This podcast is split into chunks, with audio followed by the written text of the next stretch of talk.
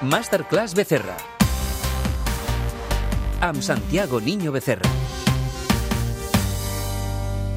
És l'hora de l'economia, és l'hora d'escoltar les notícies econòmiques que ens porta Santiago Niño Becerra.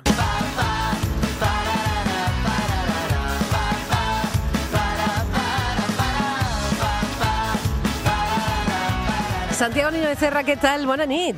Què tal, Chantal? Bona nit, bona nit. Molt bé, molt contenta d'escoltar aquesta guspira de la pegatina. Es disparen, Santiago, els preus immobiliaris. Atenció, del món virtual es comencen a pagar fortunes per cases i edificis que, atenció, no existeixen. N'hem parlat alguna vegada, però és que costa d'entendre, no, Santiago?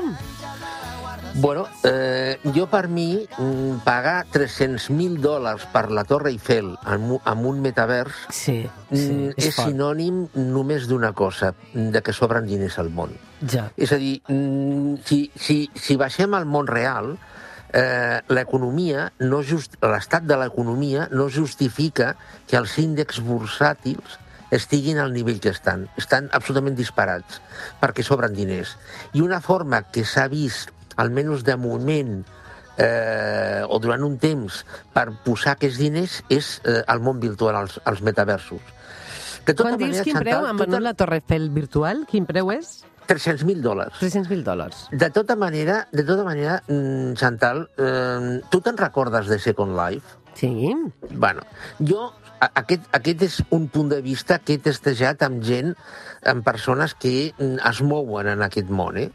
eh cuidado que eh, tot això dels metaversos no acabi com el Second Life, eh?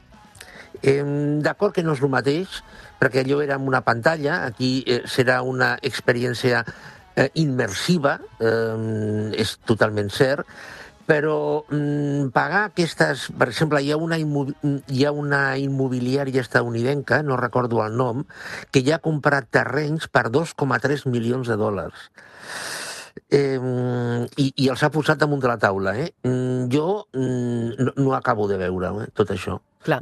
És cert, és cert Perquè- que però, tindrà... Sí.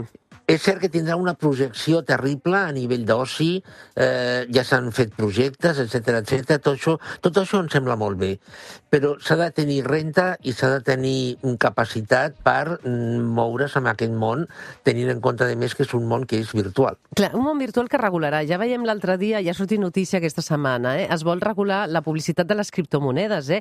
i explicar que realment amb les criptomonedes es poden perdre diners. No sé si t'has fixat que també ha sortit aquesta notícia. Ja es vol regular aquest sector que es veu fosc i és que el sector de compra i venda de- d'edificacions virtuals, Santiago, ens diu que pot arribar a moure 30.000 milions de dòlars i aquí s'haurà de començar a regular alguna cosa, eh? Del que passa aquí dins.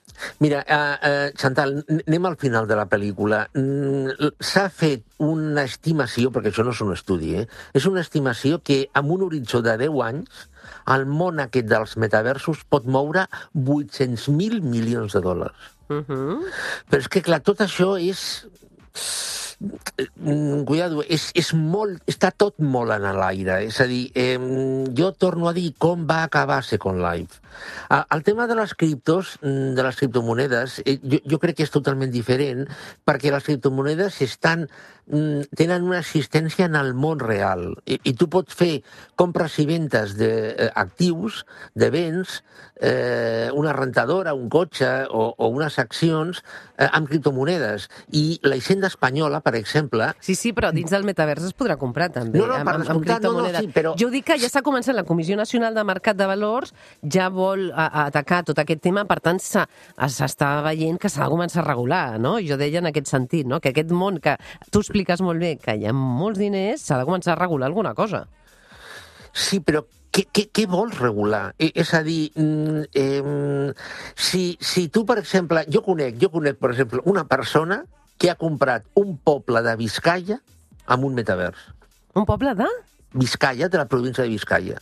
Uh -huh. L- amb un metavers. L'ha comprat. Bueno, però com es regula això? Eh, És a, és a dir, perquè si tu compres una, un actiu eh, eh, immobiliari, eh, un terreny, un edifici, tu has d'anar al registre de la propietat. Hi ha uns, pa, Clar. una, uns passos. Clar, clar, hi ha un notari, no? I hi ha unes Exacte. normes i una regulació, clar. etc. Està perfectament regulat. Clar. Però amb el metavers X, perquè, perquè recorda que hi haurà o poden haver molts metaversos. és, és, és a dir, és que a mi se m'escapa com es pot regular això. Jo, jo veig a la vegada que hi ha un, un intent de recaptació fiscal amb tot això dels, de, la de la regulació, evidentment. Uh -huh. Però és que se m'escapa com es pot regular això, eh? Sí, sí. Se m'escapa, eh? Anirem parlant d'aquest submón de metavers on es mouen molts diners en aquest món virtual, digital, i més temes que volíem repassar, no? Um, Canon i els xips, que la manca de xips és un problema molt greu, ja ho sabem, però expliquem què ha decidit fer la marca Canon per la falta de xips. Què és el que ha fet, Santiago? Bueno, eh, mm, ho ha fet Canon, però eh, jo no sé si a, això ho acabaran fent totes. Si comprem mm, un cartutx, un cartutxo de tinta o de tòner de Canon, eh, porta, si ens fixem, porta una mena com de, de xip una mena de, de, bueno, de regulació electrònica que tu quan el poses a la impressora eh, mm, la impressora identifica que tu has posat aquest cartutxo, aquest de tòner o de tinta, i diu, ok, és Canon i és el color que necessita la, la, la impressora.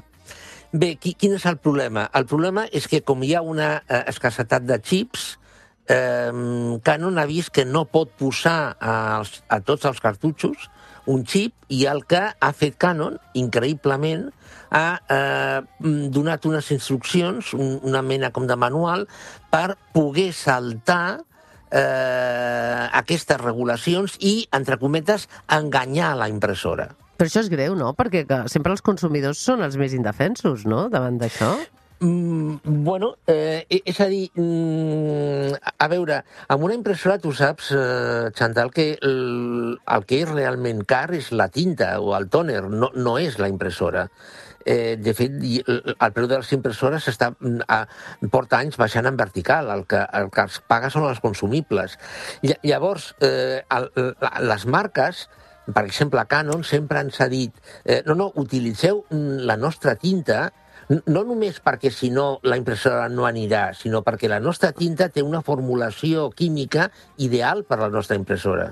Si, si ara resulta, o per les nostres impressores, si ara la mateixa Canon eh, està donant al pont eh, les instruccions per saltar eh, aquest, aquesta identificació, està admetent, jo crec, eh, implícitament, que hi ha tintes no Canon, no eh, visades per Canon, que tenen una formulació química adequada per les impressores. Mm, I, I, evidentment, són molt més barates que les Canon. Llavors, aquí, hòstia, jo crec que aquí hi ha algú que balla. Eh?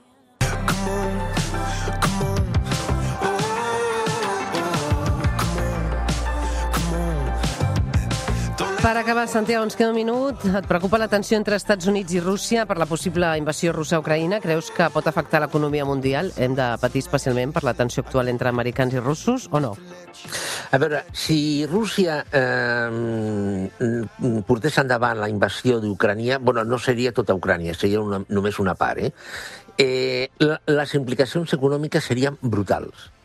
Es dispararia el preu, de, el preus dels, dels, eh, dels fletes, del, del petroli, del gas. Eh, ser, les conseqüències serien tan brutals, tan, Chantal, que jo crec que no passarà. Uh -huh. Molt bé, doncs escolta, més temes amb Santiago Niño Becerra, ens en queden encara molts més aquesta temporada i gràcies per ser avui al Revolució, Santiago. Molt bé, Chantal, gràcies a tu, bona nit. Bona nit.